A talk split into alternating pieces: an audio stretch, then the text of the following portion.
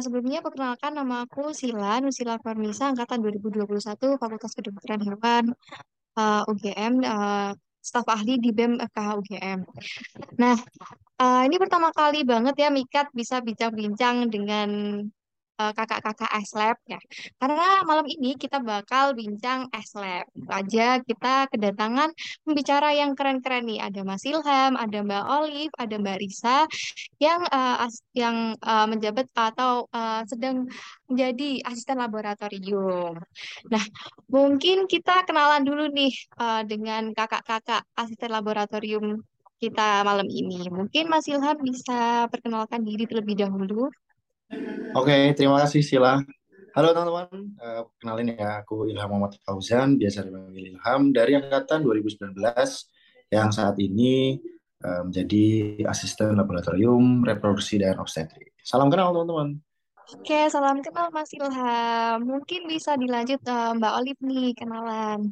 Oke, uh, halo semuanya, salam kenal. Aku Olivia Nabil Panjaitan, bisa dipanggil Olive dari angkatan 2019. Sekarang aku jadi asisten di laboratorium makroanatomi. Salam kenal Mbak Olive. Mungkin bisa selanjutnya Mbak Risa memperkenalkan diri. Halo, salam kenal semuanya. Aku Risa Putri Amalia, bisa dipanggil Risa atau Ica. Aku dari angkatan 2019 juga dari Departemen Parasitologi. Oke, salam kenal Mbak Risa. Mungkin kita langsung aja nih uh, tentang asisten laboratorium. Mungkin bagi teman-teman yang mendengarkan podcast ini dan ber, uh, berkeinginan ingin menjadi asisten laboratorium di departemen khususnya parasitologi atau uh, departemen-departemen departemen-departemen yang sudah disebutkan oleh kakak-kakak ini, harus wajib hukumnya untuk mendengarkan podcast ini sampai selesai karena uh, akan membahas informasi yang sangat penting juga nih tentang asisten laboratorium. Oke, yang pertama mungkin aku pengen tahu nih uh, dari kakak-kakak ini alasan atau motivasinya itu uh, apa sih uh, kok bisa berkeinginan jadi asisten laboratorium? Mungkin uh, pertama-tama aku pengen mendengar Mbak Risa apa nih motivasinya ingin menjadi asisten laboratorium? Oke, alasanku apa ya? aku tuh dulu, ini jawabnya serius ya.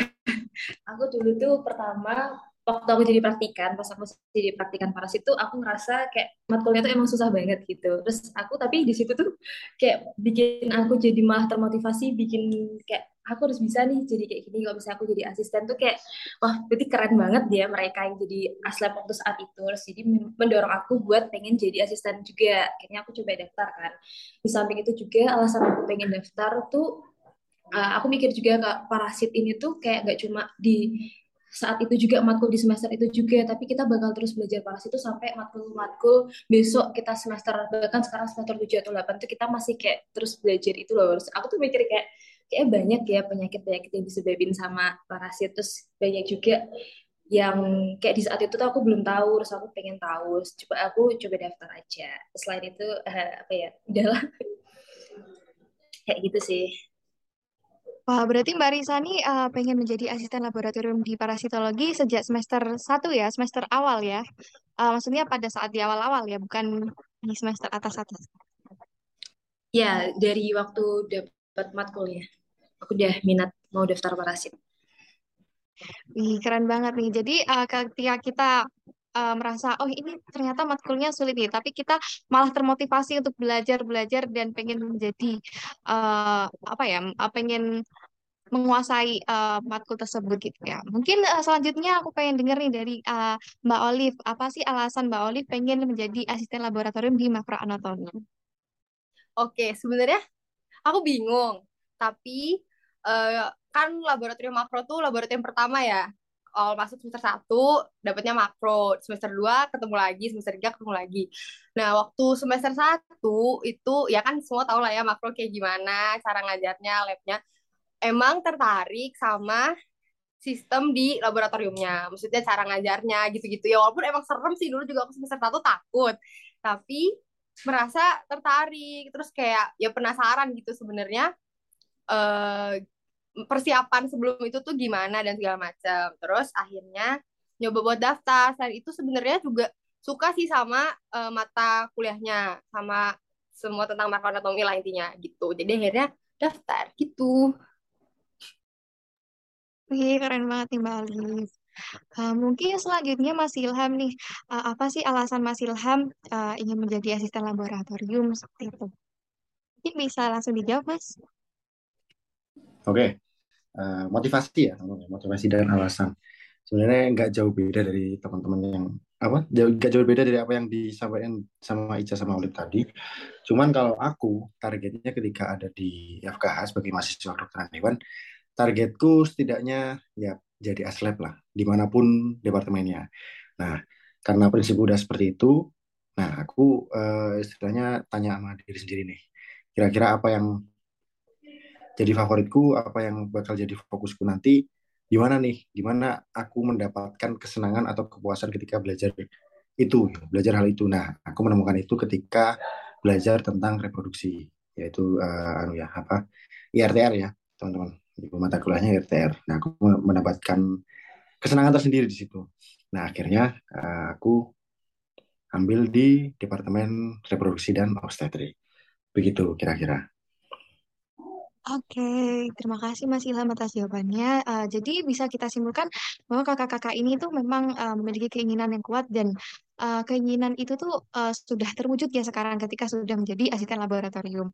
Nah, mungkin aku mau nanya nih, uh, tahapan seleksinya itu seperti apa ya untuk di tiap departemen? Pasti kan ada perbedaan nih di tiap departemen. Mungkin uh, kepada Mas Ilham bisa menjelaskan terlebih dahulu uh, tahapan seleksinya itu seperti apa saja? Oke, uh, kita masuk ke tahap seleksi ya teman-teman. Untuk saat ini bareng banget sama uh, sekarang sedang dilaksanain apa seleksi asisten reproduksi untuk tahun 2023 jadi untuk awal akan ada seleksi berkas seperti biasa. Kemudian ketika lolos nanti akan ada uh, wawancara asisten. Nah, di wawancara asisten ini hubungannya sama asisten-asisten yang udah ada, yang bakal kerja bareng nantinya. Nah, untuk tahap ketiganya nanti ada wawancara dosen dan micro teaching. Jadi uh, calon asisten ini dikasih materi dan kemudian di apa ya di disuruh bikin materi kemudian yang disuruh bikin disuruh membawakan materi yang dikuasai, kemudian nantinya akan dipresentasikan di hadapan dosen-dosen. Nah, kemudian nanti dosen-dosen reproduksi, dosen-dosen dari Departemen Reproduksi dan Obstetri akan apa ya istilahnya Q&A lah, wawancara seperti itu. Nah, kalau di departemenku ada tiga tahapan, istilah. Mungkin yang lain Oke, uh, mungkin uh, selanjutnya dari Mbak Olive nih, kalau di makroanatomi uh, tahapan seleksinya itu seperti apa ya Mbak? Oke, sebenarnya kalau makroanatomi bisa fleksibel, jadi bisa tiap uh, apa sih tiap buka seleksi lagi itu bisa berubah. Cuman umumnya sama yang pertama pasti ada seleksi berkas, terus lolos seleksi berkas itu masuk ke micro teaching. Nah, nanti di micro teaching itu ya biasa yang ngejelasin materi, terus wawancara. Kalau di makro biasanya wawancaranya sekalian sih, jadi asisten bareng sama dosen juga. Terus nanti terakhir ada SGD. SGD itu sama studi kasus. Biasalah kayak SGD, jadi dikasih satu kasus, terus mereka disuruh berpendapat, ada yang berpendapat, ada yang masih pendapat. Jadi dilihat cara kerjasamanya satu sama lain gimana. Gitu sih. Terus terakhir nanti udah pengumuman.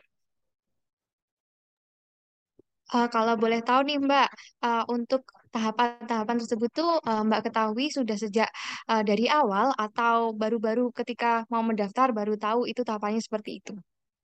Oke, kalau makro itu dikasih tahu tahapannya pas udah nggak uh, dari awal maksudnya. Jadi pertama misalnya dikasih tahu seleksi berkas, terus selanjutnya tahapannya apa tuh ada pengumuman lebih lanjut. Jadi nggak dari awal dikasih tahu.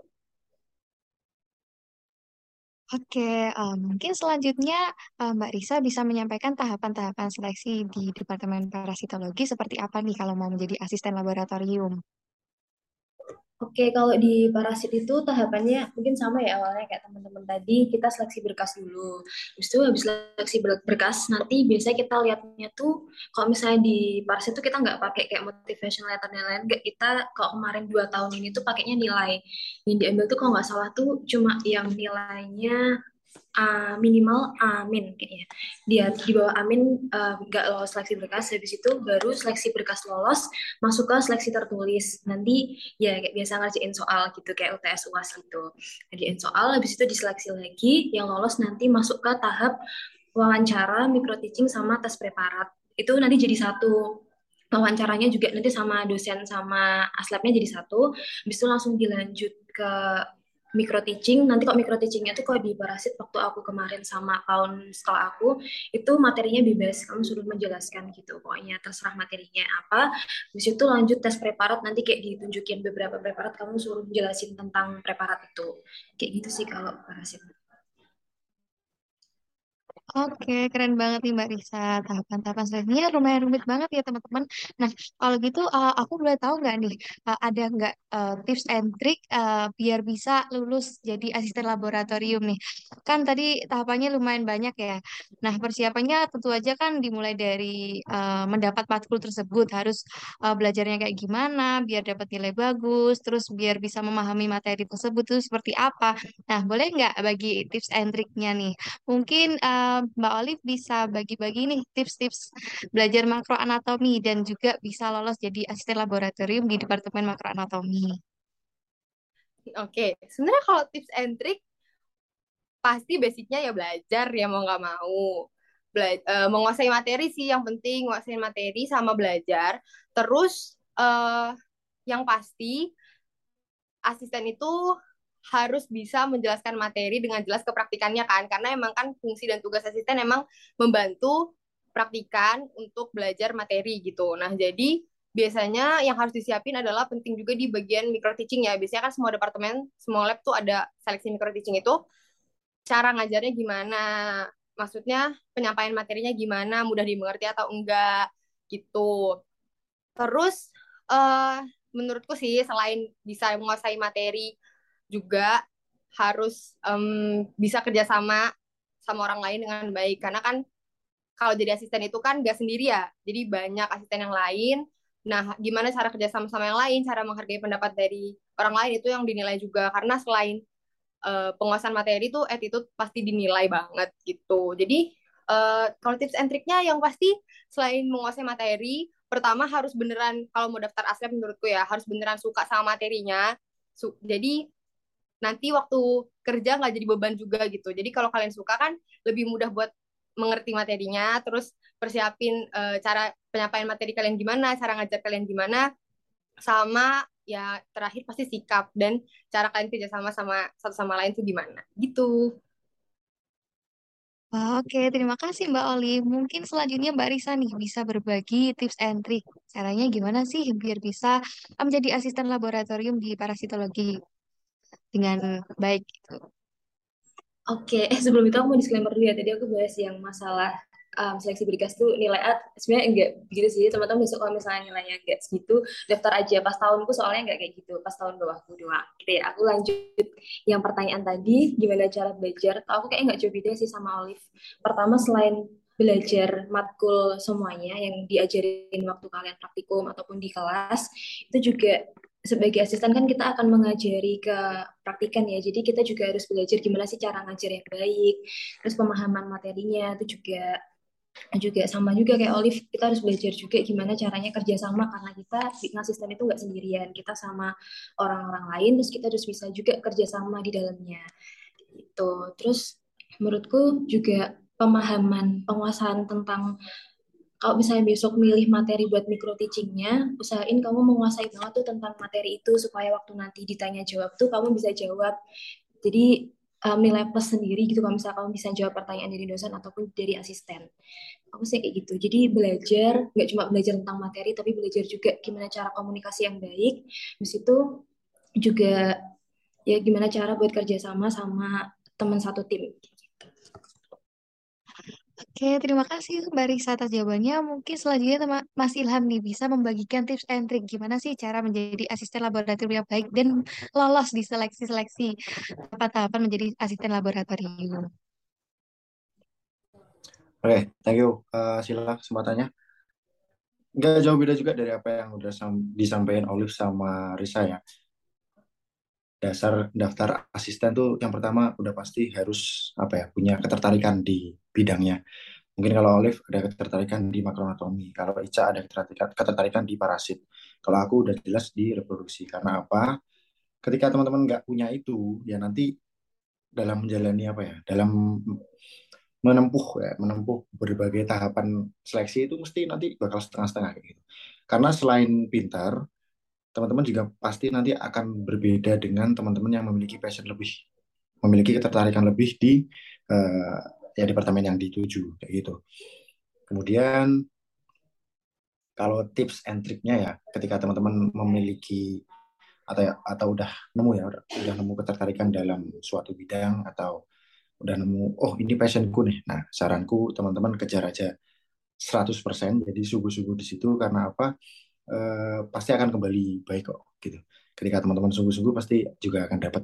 Karena emang itu yang aku lakuin kemarin, jadi ketika e, dulu waktu seleksi kan bareng sama uh, uji publik dan sebagainya ya, tour di angkatan dan sebagainya zamanku maju BEM kemarin.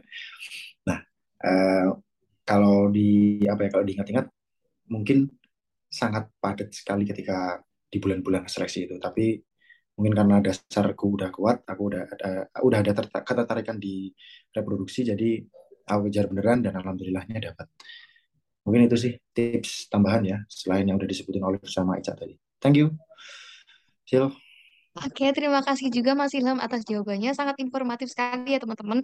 Jadi untuk menjadi asisten laboratorium, uh, kita tentunya harus tertarik dulu nih. Kita uh, tekunin juga dengan sungguh-sungguh, insya Allah pasti bisa mencapai uh, tujuan yang kita inginkan itu. Nah, mungkin nih uh, aku pengen tahu nih, karena uh, kalau menjadi asisten laboratorium itu tentunya kan punya kewajiban double ya, selain menjadi mahasiswa, uh, kita juga punya kewajiban menjadi asisten laboratorium tersebut.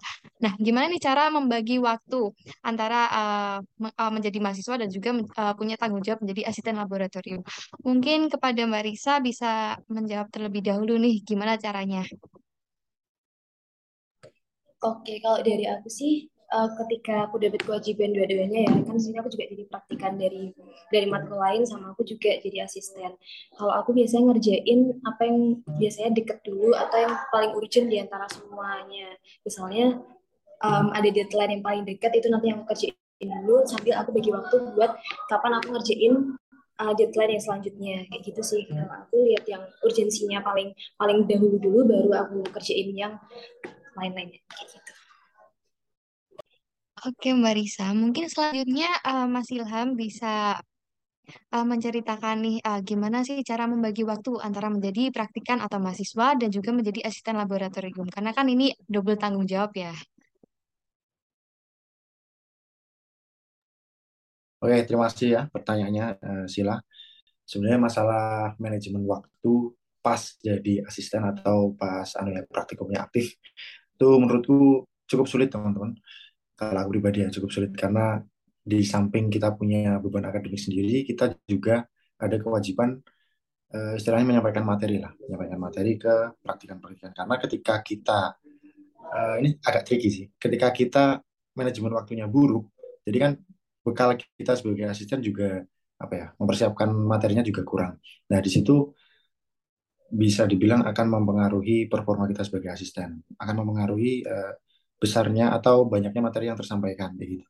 Jadi eh, manajemen materi, eh, manajemen materi, manajemen waktuku menurutku versiku. Jadi selama masih ada waktu kosong ya aku cicil, aku cicil buat mempersiapkan karena kemarin ketika ketika aktif praktikum untuk RTR-nya, aku juga ada tanggung jawab lain ya. Kemarin kan kebetulan juga masih memegang BEM.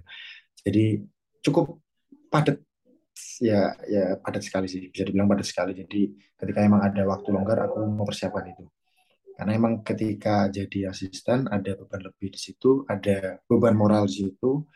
Pokok gimana caranya ketika praktikum sudah dimulai dalam waktu 2 sampai tiga jam itu semua materi disampaikan dengan baik dan tidak ada yang ketinggalan. Kalau di apa kalau di departemenku sendiri uh, kita berusaha semaksimal mungkin supaya setiap anak mendapatkan hal yang sama. Nah, di situ beban lebih yang aku rasain ya, teman-teman. Itu mungkin dari aku pribadi ya. Oke, terima kasih Mas Ilham atas jawabannya. Uh, ya perlu diingat ya teman-teman. Jadi uh, menjadi asisten laboratorium itu tidaklah mudah uh, karena kita punya tanggung jawab yang cukup besar juga dan kita punya double tanggung jawab nih menjadi mahasiswa dan juga menjadi asisten laboratorium. Uh, dan uh, sudah seharusnya kita uh, memang harus serius nih untuk uh, hal ini. Uh, mungkin selanjutnya dari Mbak Olive uh, bisa membagikan gimana caranya Mbak Olive membagi uh, waktu uh, dan memanajemen itu uh, menjadi mahasiswa dan juga menjadi asisten laboratorium. Oke, jadi kalau makro sendiri paling berat tuh semester ganjil karena ngajar semester 1 sama semester 3. Apalagi semester 7 aku juga mahasiswa ya praktikumnya banyak, skripsi juga kan.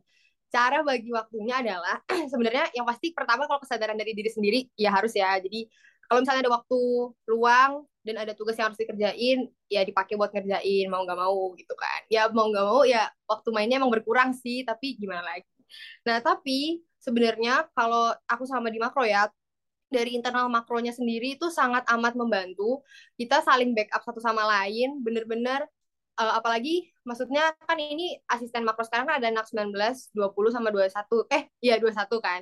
Nah, uh, jadi kadang-kadang 19-nya semua praktikum nggak bisa, akhirnya 20 semua yang ngajar. Nanti kalau 20-nya praktikum semua, 19 semua yang ngajar gitu. Jadi uh, selain dari diri sendiri, pastinya antar satu sama lain harus bisa backup gitu. Jadi kita emang saling ini sih, saling backup pasti kalau misalnya siapa yang nggak bisa diganti sama siapa dulu gitu. Dan oleh karena itu karena harus bisa saling backup semuanya harus siap kalau misalnya waktu itu harus ngajar gitu sih Oke, terima kasih Mbak Olive atas uh, apa namanya tips uh, informasi mengenai gimana sih kita uh, membagi waktu uh, menjadi mahasiswa dan juga menjadi asisten laboratorium. Nah, mungkin selanjutnya aku pengen tahu nih uh, benefit apa aja sih yang kakak-kakak uh, ini dapatkan setelah menjadi asisten laboratorium.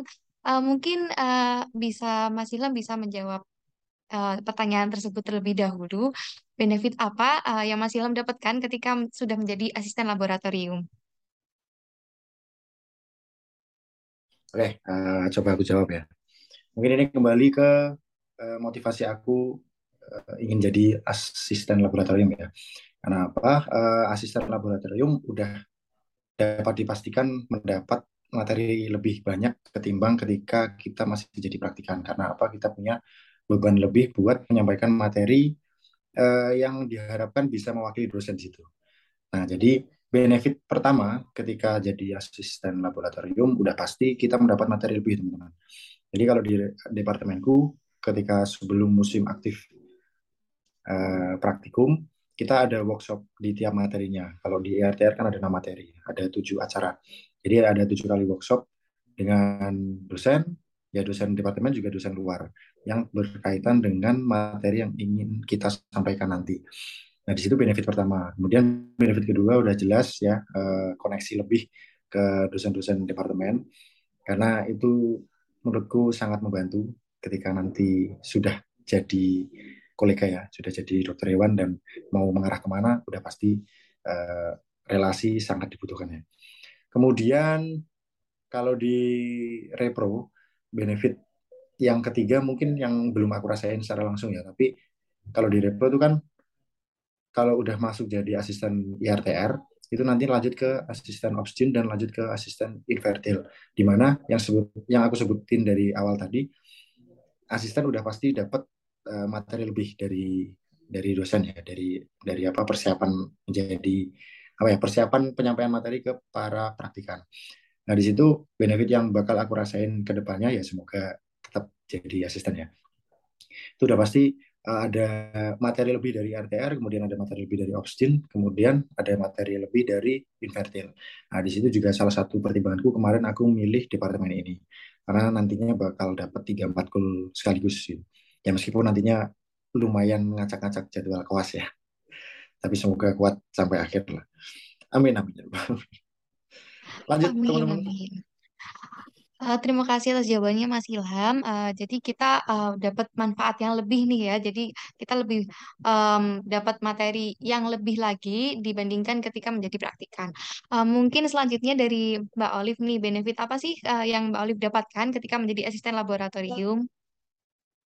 Oke, kalau aku sendiri di makro yang aku dapetin adalah aku jadi lebih paham banget sama materi yang ada di makro lah pokoknya dari makro anatomi satu terus dua sama anatomi terapan itu kalau untuk materinya sendiri sebenarnya apa yang disampaikan sama uh, dosen mungkin atau apa yang kita cari apa yang kita tahu itu yang kita kasih ke praktikan kan jadi sebenarnya menurutku impas sih materi yang aku dapat sama materi yang aku kasih ke praktikan itu sama gitu. Mereka juga harus tahu sama kayak yang aku tahu gitu. Cuman aku mungkin jadi lebih dulu dan lebih paham tentang materi itu. Itu pertama. Terus kalau di makro, uh, karena kalau misalnya kita nyiapin preparat kan, mau nggak mau kita preparir, rekropsi juga segala macam. Jadi biasanya dapat uh, skill lebih sih dan pengalaman lebih dulu daripada yang lain gitu. karena udah belajar di makro, tuntutan untuk uh, mempersiapkan praktikum.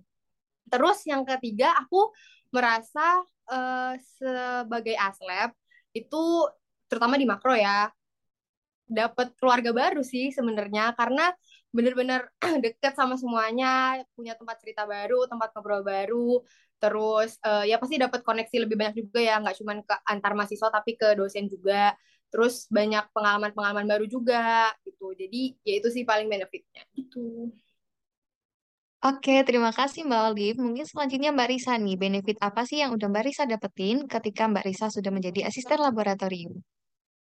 Oke, mungkin nggak jauh beda ya dari teman-teman sebelumnya. Selama aku jadi asisten tuh juga aku mendapatkan banyak materi sama ilmu-ilmu baru yang mungkin sebelumnya nggak aku dapetin waktu aku jadi praktikan atau belum aku dapetin waktu aku jadi dapat matkul itu saat aku masih semester belum aku jadi asisten. Kayak gitu. Kayak banyak hal yang aku tahu dari insight dari dosen ataupun dari cutting-cutting yang waktu itu jadi asisten juga dan lain-lainnya. Itu aku jadi tahu hal-hal yang eh, materi-materi sebelumnya itu aku belum dapetin. Nah sama Kak Alif tadi juga dengan aku punya materi-materi yang sebelumnya aku dapetin itu aku harus harus bisa juga nge-share ke praktikan-praktikan tentang apa yang aku tahu supaya gak cuma aku doang yang dapat tapi kalian juga dapat makanya waktu praktikum kayak kita sering spontan buat ngasih tahu tentang suatu materi gitu kan yang sebelumnya gak ada di Cuprak atau gak ada di PPT gitu. Terus mungkin juga sama kayak Olive di, di Parasit juga aku jadi ketemu keluarga baru kita latihan buat kerja sama gimana saling bantu satu sama lain. Terus kita juga saling tukar ilmu satu sama lain gitu terus kalau di Parasit juga itu tuh sebelum kita ngajar itu kita selalu ada belajar bareng jadi kita kayak malam gitu kita belajar bahas materi yang mau diajarkan besok terus kita saling tukar ilmu di sana jadi yang sebelumnya aku nggak tahu tuh jadi aku tahu dan aku jadi ingat lagi gitu kalau misalnya aku mau ngajar besoknya. Di situ kok di parasit juga aku dapat tuh mungkin ini tentang kemudahan dari skripsi ya. Kita dapat uh, kok di parasit itu kita asisten tuh biasanya dia langsung dapat dosen pembimbing skripsi beserta dengan penelitiannya. Jadi aku lebih mudah nggak usah cari dosen pembimbing dan juga nggak usah bingung nyari penelitian gitu kalau misalnya di parasit. Jadi aku udah penelitian duluan dan juga dosennya udah ada dosen pembimbingnya. Sama mungkin kalau di Prasi juga itu kan besok kalian bakal ada koas atau kalau namanya koas di lab atau kodil besok itu salah satunya ada parasit kan ada parasit mikrobiologi dan lain-lain kan dapat juga jadi aku udah dapat ilmu duluan tuh buat koas besok gitu mungkin itu sih silakan dari aku Oke, terima kasih Mbak Risa atas jawabannya. Jadi banyak banget ya manfaatnya teman-teman ketika kita sudah menjadi asisten laboratorium, uh, dapat materi lebih, kita bisa lebih paham, terus dapat keluarga baru, dan kita bisa persiapan skripsi lebih matang lagi dan ke depannya. Uh, mungkin uh, selanjutnya aku mau nanya nih, Uh, kalau boleh tahu, adakah tuntutan yang harus dipenuhi uh, ketika sudah menjadi asisten laboratorium? Uh, mungkin uh, dari Mbak Olive bisa cerita dulu nih, ap apakah ada tuntutan ketika sudah menjadi asisten laboratorium di Departemen Makroanatomi? Oke, bentar. Aku mikir tuntutan tuntutan tuh maksudnya tuntutan gimana? Kayak misalnya harus ngasih waktu lebih atau apa gitu? Iya Mbak, uh, seperti oh. itu. Jadi uh, apakah harus uh, memberikan waktu yang lebih banget nih di uh, makroanatomi? Oke, uh, kalau tuntutan yang pasti waktu ya, waktu yang paling pertama. Karena kalau aku sekarang ngajar tuh tiga hari, Senin, Rabu, Jumat. Nah itu mau nggak mau gimana caranya harus bisa gitu kan ngajar. Terus kalau tuntutan lain mungkin sama itu sih uh, untuk persiapan preparat, persiapan praktikum pokoknya ya organ dan segala macam kan kita harus preparasi sendiri. Jadi itu uh, nyiapin sendiri juga. Kalau untuk biasanya kalau kita sih buat nyari hewannya dari mana dan organ-organnya tuh dibantuin sama laboran. Cuman uh, ya nyiapin materi itu yang pasti tuntutan terus nyiapin preparat jadi preparir gitu nekropsi dan segala macem. Sama udah sih yang paling besar tuntutannya kalau jadi asisten ya mau nggak mau waktu gitu. Karena ya harus ada di sana terus nggak cuma ngajar waktu ngajar doang tapi buat nyiapin juga sama ngoreksi laporan pasti itu juga tuntutan terus nyiapin LKP gitu nah itu sih tuntutannya paling Oke, terima kasih Mbak Olive. Mungkin selanjutnya Mbak Risa nih bisa cerita ceritain apa aja sih tuntutan yang eh, Mbak Risa dapatkan ketika menjadi asisten laboratorium di parasitologi. Oke, setuju sih sama Olive tuntutannya beneran waktu soalnya kayak kita di samping kita sendiri punya laporan yang harus kita kerjain, kita juga harus masih koreksi laporannya praktikan, terus masih nyiapin materi buat praktikum, terus belum misalnya bikin format laporan, bikin PowerPoint, juprak dan lain-lain itu kan. Itu juga cukup menyita waktu ya, apalagi para asistennya dikit, jadi per anak tuh um, bawa praktikannya tuh 25 gitu, kayak banyak banget yang dikoreksi.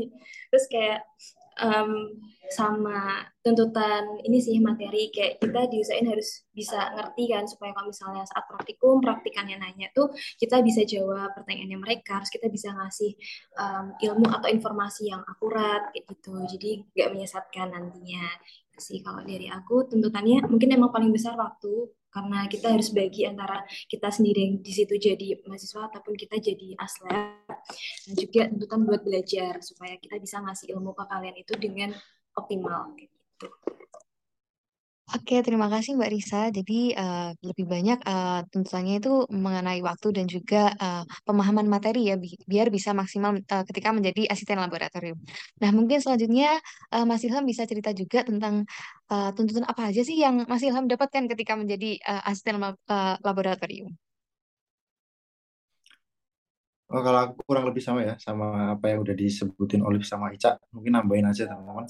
Selain beban kerja yang lebih ya, beban kerja yang nyata dari apa yang kita rasakan selama menjadi asisten departemen, itu kita dituntut profesional teman-teman. Jadi banyak uh, praktikan nanti yang bakal jadi uh, apa ya, praktikan itu banyak yang jadi teman dekat kita kalau di luar lab. Nah, ketika udah masuk lab, ya hubungannya antara eh, asisten dan praktikan kayak gitu. Sebenarnya itu juga cukup susah menurutku ya karena emang kita dituntut profesional di situ. Profesional di sini juga berarti nggak nggak apa ya nggak membuka apa yang harusnya nggak dibuka kayak gitu. Misal contoh ada soal prioritas lah yang seharusnya nggak disampaikan. Kemudian ada materi-materi tertentu yang harusnya nggak usah disampaikan tapi ya di situ kita punya apa ya punya tanggungan untuk menjaga itulah. Karena karena ketika udah masuk lab ya kita hubungannya praktikan dan uh, asisten. Di situ sih mungkin kita dituntut profesional ya.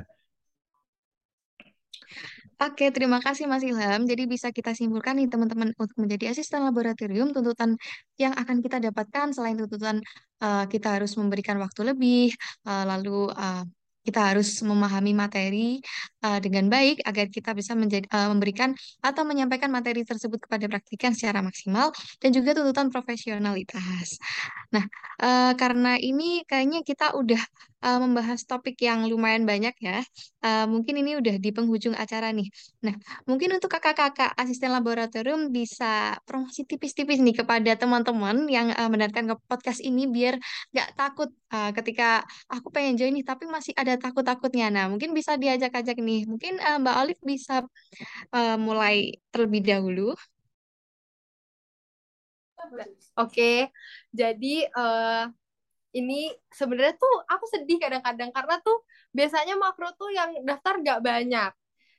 Nah, tapi aku berharap ke depannya yang daftar makro banyak karena walaupun memang sibuk banget kelihatannya, apalagi di satu semester tuh kita ngajar dua semester sekaligus tapi tenang aja karena pasti di backup gitu. Terus uh, jangan takut karena sebenarnya kita semua tuh baik gitu. Kalau di luar lab tuh kita sangat baik dan welcome tenang aja gitu kan terus um, benefitnya banyak banget di makro dapat keluarga baru pasti terus dapat pengalaman yang banyak dapat skill lebih dulu juga yang berguna banget buat nanti sampai jadi dokter hewan.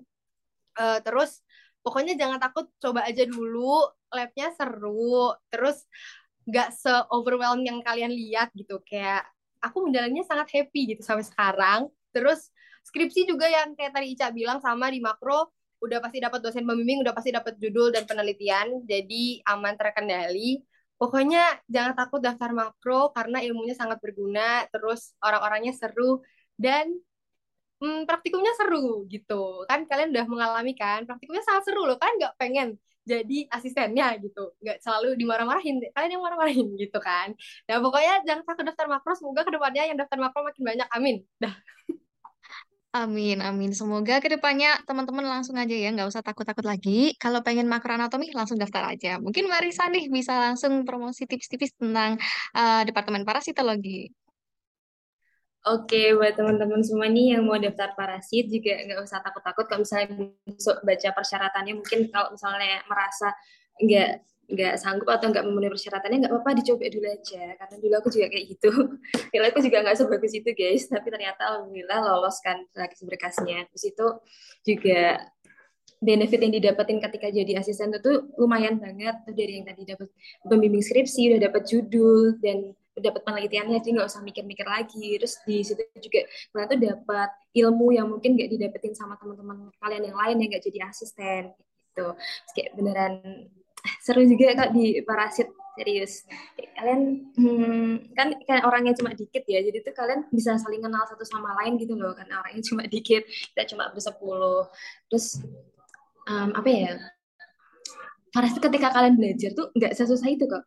Nggak sebanyak itu serius. Kayak kalian lama-lama terbiasa sama sama sama um, nama-nama yang susah itu mungkin makro juga ya Liv ya lama-lama kalian bakalan terbiasa kok sama, nama-nama spesies yang susah itu.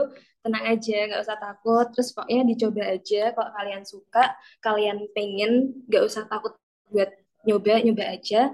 Karena sayang banget kalau nggak dicoba dan dari benefit yang semua yang udah didapetin tadi itu menurutku worth it banget buat kalian coba buat daftar jadi asisten. Dan lupa daftar asisten parasit guys. Karena gajinya gede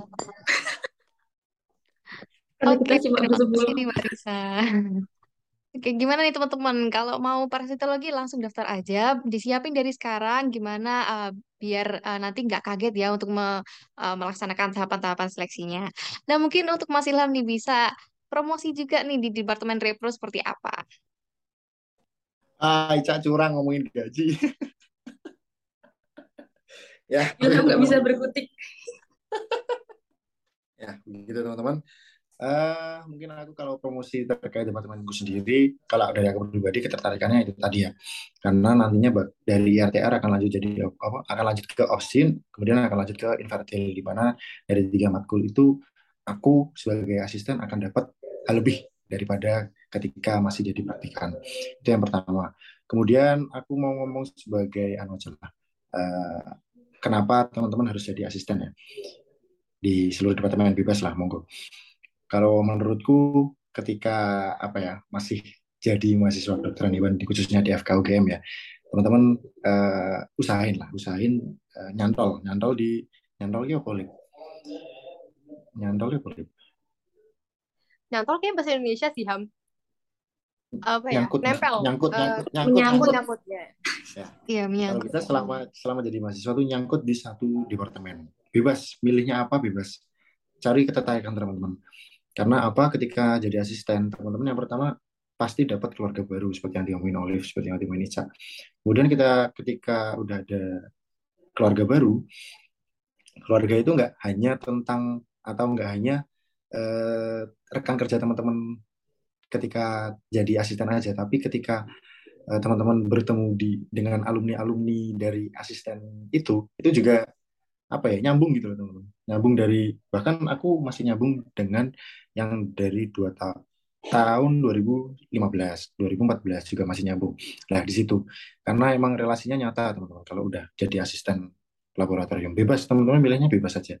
Kemudian kalau dari aku pribadi kenapa kok apa ya usahakan jadi asisten laboratorium? Karena menurutku Eh, menjadi asisten ya salah satunya ada unsur pengabdian juga ya teman-teman. Karena ya terlepas gaji tiap departemen berbeda tapi itu dikesampingkan aja teman-teman. Karena ketika teman-teman udah ikhlas dan apa ya kalau aku pribadi dulu ketika aktif praktikumnya mendapat feedback nyata mendapat feedback positif dari teman-teman praktikan tuh rasanya rasanya eh gitu. Apa ya nggak bisa nggak bisa digambarkan dengan kata-kata gitu. kalau dari aku ada kepuasan tersendiri ketika praktikannya mengerti, kemudian ada feedback positif seperti uh, terima kasih Mas Ilham penjelasannya uh, seru sekali hari ini. Terima kasih Mas Ilham penjelasannya hari ini uh, apa ya nyampe ke kita dan kita paham paham banget apa yang Mas Ilham sampaikan. Nah seperti itu uh, menurutku nggak bisa dinominalkan teman-teman. Priceless lah. Itu yang apa ya salah satu salah satu apa ya salah satu suka ya suka cita menjadi aslep. Kalau masalah uh, capek ada beban lebih itu pasti itu pasti. Karena apa? Karena ya suka citanya juga banyak gitu. Jadi itu pesanku teman-teman. Usahakan uh, nyangkut di salah satu departemen. Silakan pilih ketertarikan teman-teman masing-masing. Nikmati aja dinamikanya menjadi asisten laboratorium. Terima kasih. Uh, mungkin ditunggu di repro tahun depan. Ya. yeah. Oke, terima kasih Mas Ilham. Jadi uh, teman-teman nggak usah ragu lagi nih. Kalau udah mau uh, ada keinginan ingin jadi asisten laboratorium, langsung gabung aja, langsung daftar, siapin apa aja yang harus disiapin di tahapan seleksinya. Uh, karena benefitnya yang akan kita dapatkan tuh banyak banget. Nah, uh, terima kasih juga untuk Mbak Risa, Mbak Olive, Mas Ilham sudah menyempatkan waktunya dan menjadi pembicara yang keren di bincang uh, Lab kali ini bersama Mika. Nah, mungkin uh, untuk teman-teman juga terima kasih sudah mendengarkan podcast ini hingga di akhir ini. Semoga informasi yang kita uh, sampaikan, yang sudah disampaikan oleh kakak-kakak Lab ini bisa bermanfaat untuk kita semua. Nah, sampai jumpa di bincang-bincang selanjutnya bersama Mika, teman-teman. Selamat malam.